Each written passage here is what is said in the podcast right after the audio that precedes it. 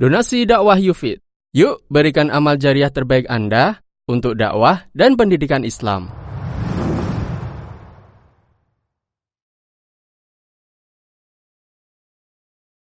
Innal hamdalillah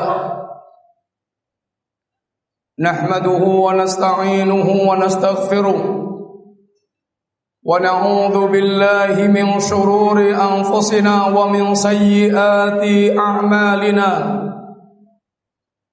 من يهده الله فلا مضل له ومن يضلل فلا هادي له. أشهد أن لا إله إلا الله وحده لا شريك له وأشهد أن محمدا عبده ورسوله. لا نبي بعده. اللهم صل وسلم وبارك على نبيك المصطفى وعلى آله وصحبه ومن تبعهم بإحسان إلى يوم الدين. قال الله تعالى في كتابه الكريم يا أيها الذين آمنوا اتقوا الله حق تقاته ولا تموتن إلا وأنتم مسلمون.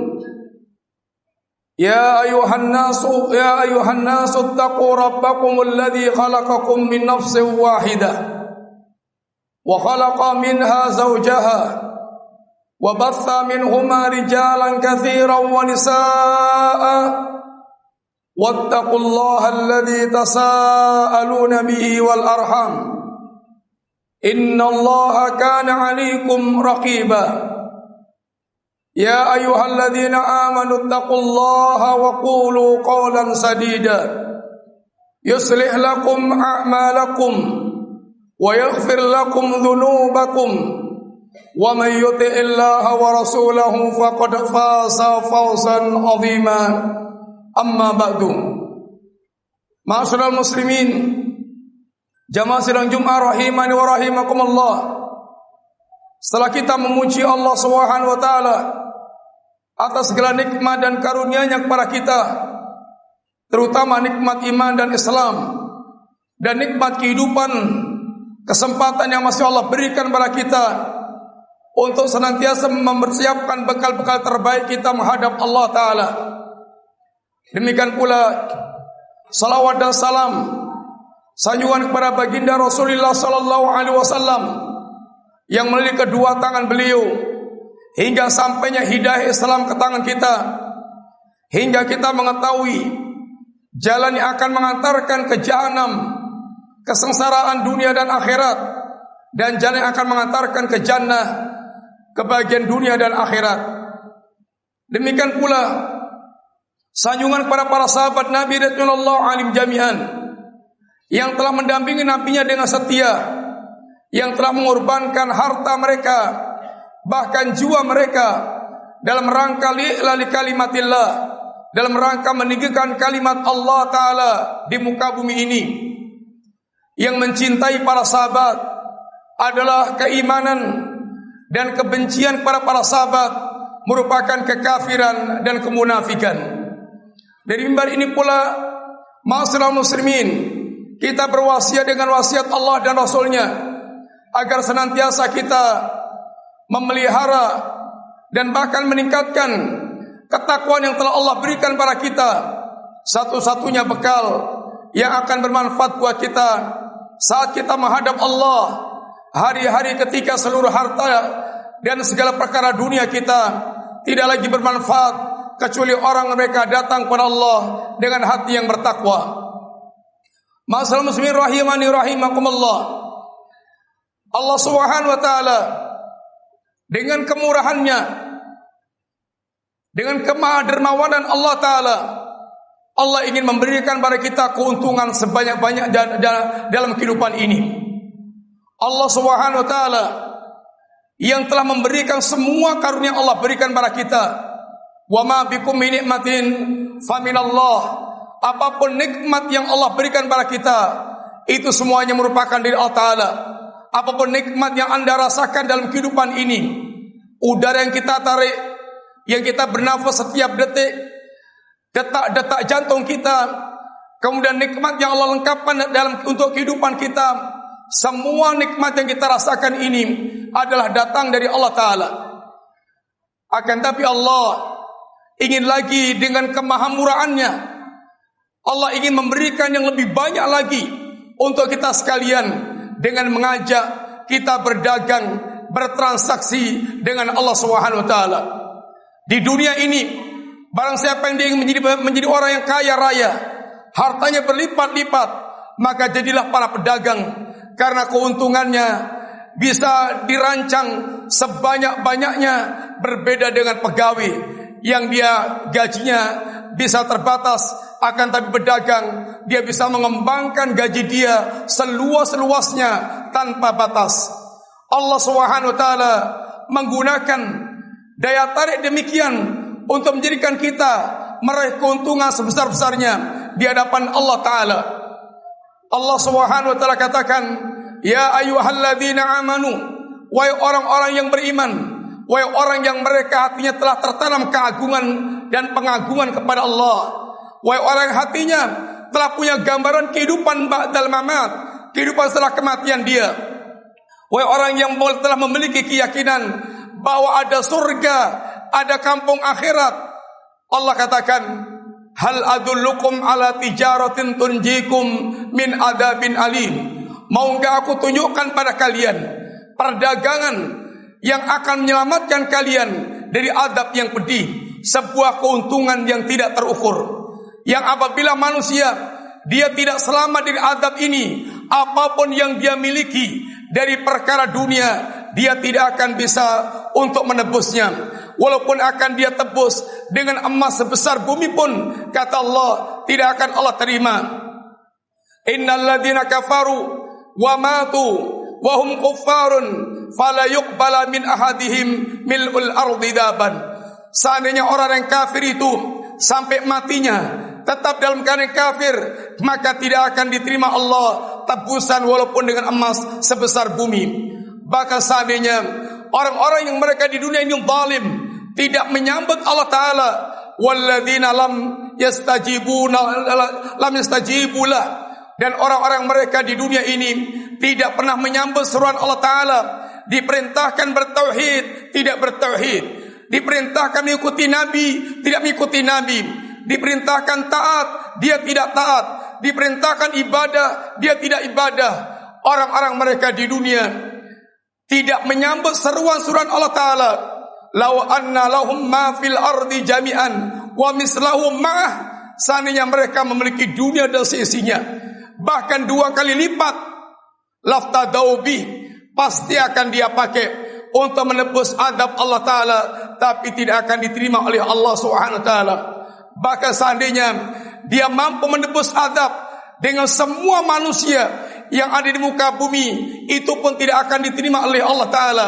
Ya mujrimu law yaftadi min adabi yaumi idzin bi bani wa sahibati wa akhi wa fasilati allati tuwi wa man fil ardi jami'an thumma yuji. Kalla innaha ladha nas'ata lishawa tad'u man adbara wa tawalla wa jama'a fa''a sesungguhnya orang-orang di dunia mujrim durhaka kepada Allah taala.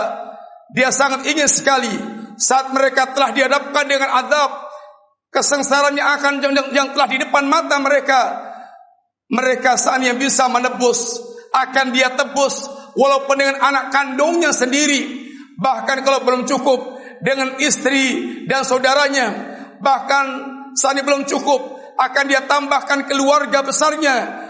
Kalau perlu lagi bahkan dengan semua manusia yang ada di muka bumi. Tapi Allah katakan kalla sekali-kali tidak akan bisa. Innaha ladha jahannam adab yang menyala-nyala. Nazza'ata lisyawa yang Adabnya bisa mengelupaskan kulit kepala manusia. Tadi uman adbara wa tawalla yang jahanam memanggil orang yang dulu mereka di dunia berpaling dari agama wa jama'a fa'awam dan hanya mengumpulkan harta akan tapi tidak mengeluarkan di jalan Allah Subhanahu wa taala. Masalah muslimin Rasulullah SAW kita mengatakan pula kullun nasi yahdu setiap manusia hakikatnya lah mereka setiap harinya sebagaimana pedagang keluar pagi-pagi. Sebagaimana pedagang kita yang di pasar ini setiap pagi dia keluar untuk menjajakan barang dagangannya. Fabai'un nafsahu famutikuha au mubikuha. Hanya dia yang dia jual indah dirinya sendiri. Ada orang mereka berjualan dan untung mutlak sampai dia bisa memerdekakan dirinya dari kesengsaraan yang mengancamnya. Tapi ada orang yang mereka berdagang dan dia hancurkan dirinya, dia bangkrut, dia rugi sehingga dia pun hancur dengan perdagangan yang dia lakukan. Pertanyaannya, berdagang dengan siapa yang menghasilkan keuntungan besar dan berlipat dan berdagang dengan siapa yang membuat dia hancur binasa. Adapun perdagangan akan membuat kita untung besar adalah berdagang dengan Allah Subhanahu wa taala. Allah yang siap membeli barang-barang dagangan apapun yang kita jual kepada Allah dengan kelipatan dengan keuntungan yang tidak terhingga. Apa barang jual kita di hadapan Allah? Barang jual kita al-baqiyatus salihatu khairun inda rabbika sawaban wa khairun amala. Al-baqiyatus salihat semua amal-amal saleh adalah merupakan harta perdagangan kita. Pahalanya akan sangat banyak dan berlipat-lipat dan harapan yang sangat luar biasa dengan perdagangan tersebut. Rasulullah SAW jelaskan setiap barang dagangan kita, setiap amal saleh yang kita lakukan akan dihargai Allah ashrah sepuluh kali lipat. Ila sab'i mi'atin dhifin sampai tujuh ratus kali lipat. Ila af'afin kathirah sampai kelipat yang tidak terhingga. Ini keuntungan yang Allah tawarkan kepada kita. Inna Allah astara minal mu'minina anfusahum wa amwalahum bi anna lahumul jannah sesungguhnya Allah Subhanahu wa taala telah membeli jiwa dan harta seorang mukmin dengan jannah harga surga dan ini perdagangan mahal yang Allah yang Nabi katakan inna silatallahi al jannah ala inna silatallahi al ghaliyah wa wa inna silatallahi al jannah ketahuilah Harga perdagangan Allah adalah surga. Dan ketahuilah harga perdagangan Allah sangat mahal. Ala inna sil'atallahil ghaliyah. Ketahuilah perdagangan Allah itu sangat mahal.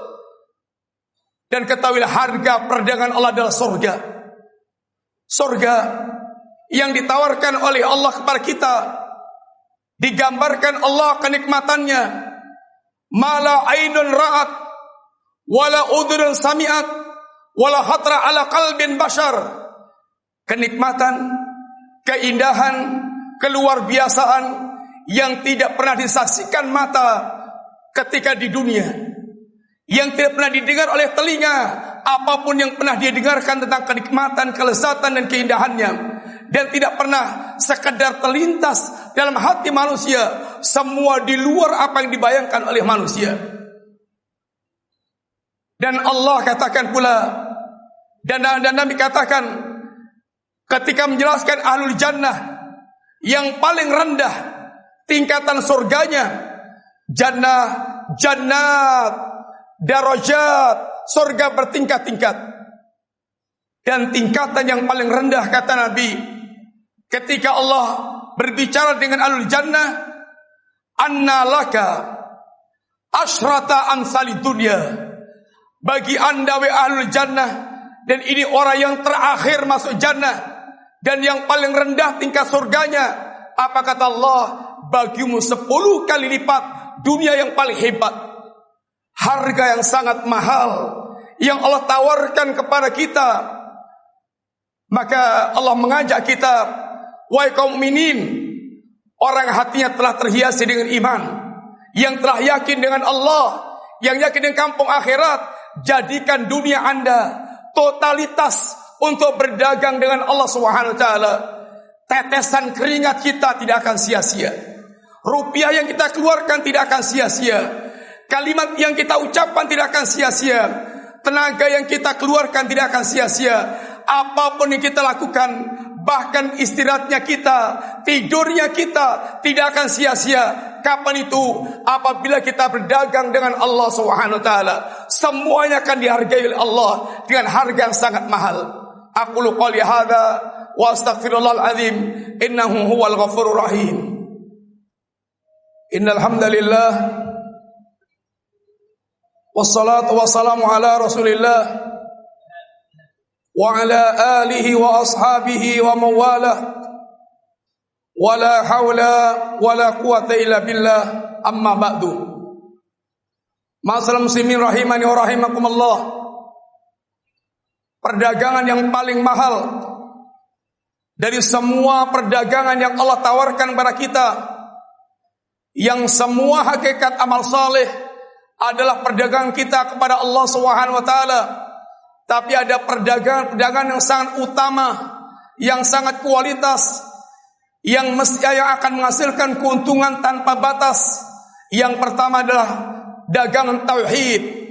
Dagangan tauhid.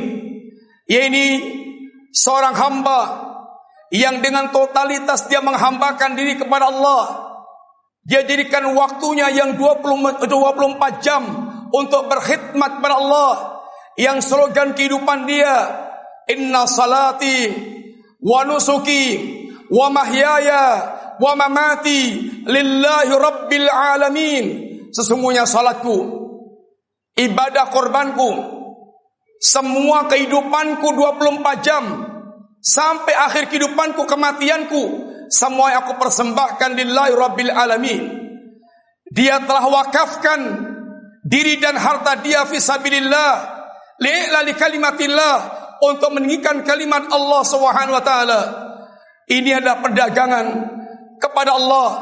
Tauhid adalah menjadikan totalitas kehidupan kita untuk menghamba kepada Allah tanpa menyekutukan Allah dengan apapun.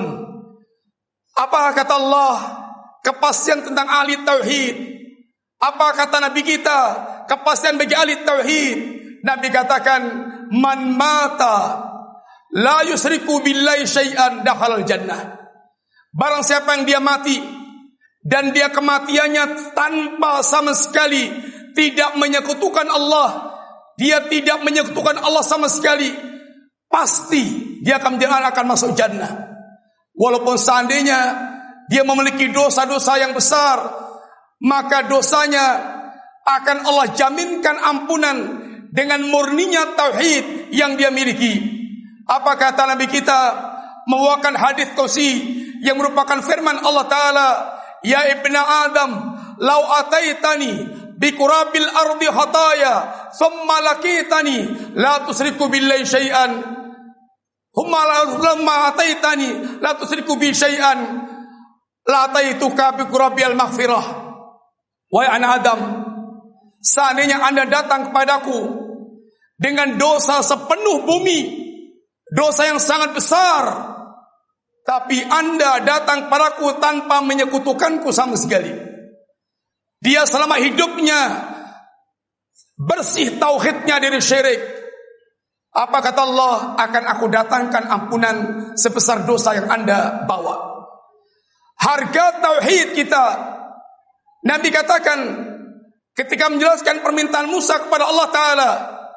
Rabbi alimni syai'an ad'uk biha ad'uk bih. Wadhkur ya Allah ajarkan padaku sebuah pelajaran yang dengannya aku bisa berzikir kepadamu dan berdoa kepadamu. Kata Allah ya Musa qul la ilaha illallah. Ucapkan kalimat la ilaha illallah. Ucapkan kalimat tauhid dan wujudkan kalimat tauhid karena ucapan semata tidak akan berguna. Orang munafik mengucapkan kalimat la ilaha illallah tapi la yanfa tidak berguna karena hanya ucapannya di lisan dan tidak tembus sampai ke hati.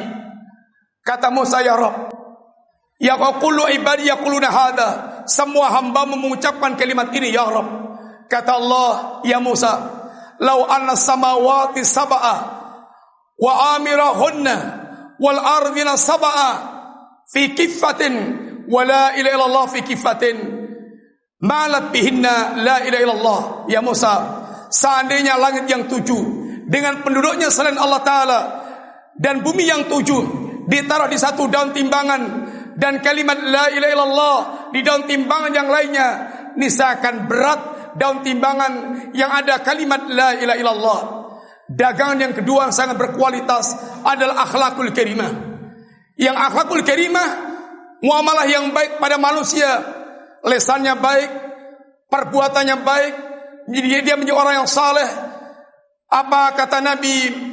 Ma min syai'in athqalu fi mizanil mu'min yaumal qiyamah min husni khuluqi. Tidak ada timbangan yang lebih berat di akhirat kelak bagi seorang mukmin dibandingkan akhlak yang baik tentunya setelah tauhidullah baru kita lengkapi dengan amal-amal yang lainnya. Masalah muslimin, adapun kalau kita tidak berdagang dengan Allah, pasti kita akan berdagang dengan syaitan. Dan tunggulah saat penyesalan, saat nanti kita, saat manusia nanti telah meringkuk di janam, syaitan akan pidato di mimbar api. Sebagaimana Allah katakan, qala syaitanu lamma qudiyal amru, inna Allah wa'adakum wa'dal haqq wa wa'adtukum fa akhlaftukum dan ketika syaitan bicara di mimbar api kata Imam Hasan Al-Basri ketika manusia yang ahlul jannah telah masuk jannah yang ahlul nar masuk neraka syaitan akan berdiri di mimbar api. Saat hati mereka sedang bergolak saat mata mereka terbelalak melihat suasana jahanam yang baru pertama kali mereka rasakan Lalu syaitan dalam suasana menegangkan seperti ini, dia pidato di depan mereka, sesungguhnya Allah telah berjanji kepada kalian dan janji Allah hak, janji Allah benar.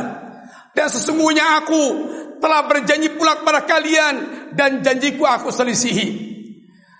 Dan aku sesungguhnya kata syaitan, wa ma kana li alaikum min sultanin illa an da'utukum aku tidak punya kuasa menyesatkan kalian kecuali hanya memberikan tawaran hanya mengajak fastajabtum li ternyata kalian mengikuti ajakanku. Fala talumuni walumu anfusakum. Maka jangan celah diriku celalah diri-diri kalian sendiri. Masalah muslimin ini akibat akhir. Orang mereka berdagang dengan syaitan maka Allah wasiatkan dengan wasiat yang sangat penuh penekanan fala taghurrannakumul hayatud dunya wala yaghurrannakum billail gharur. Wa hamba Allah inna wa'dallahi haq janji Allah itu benar surga itu benar neraka itu benar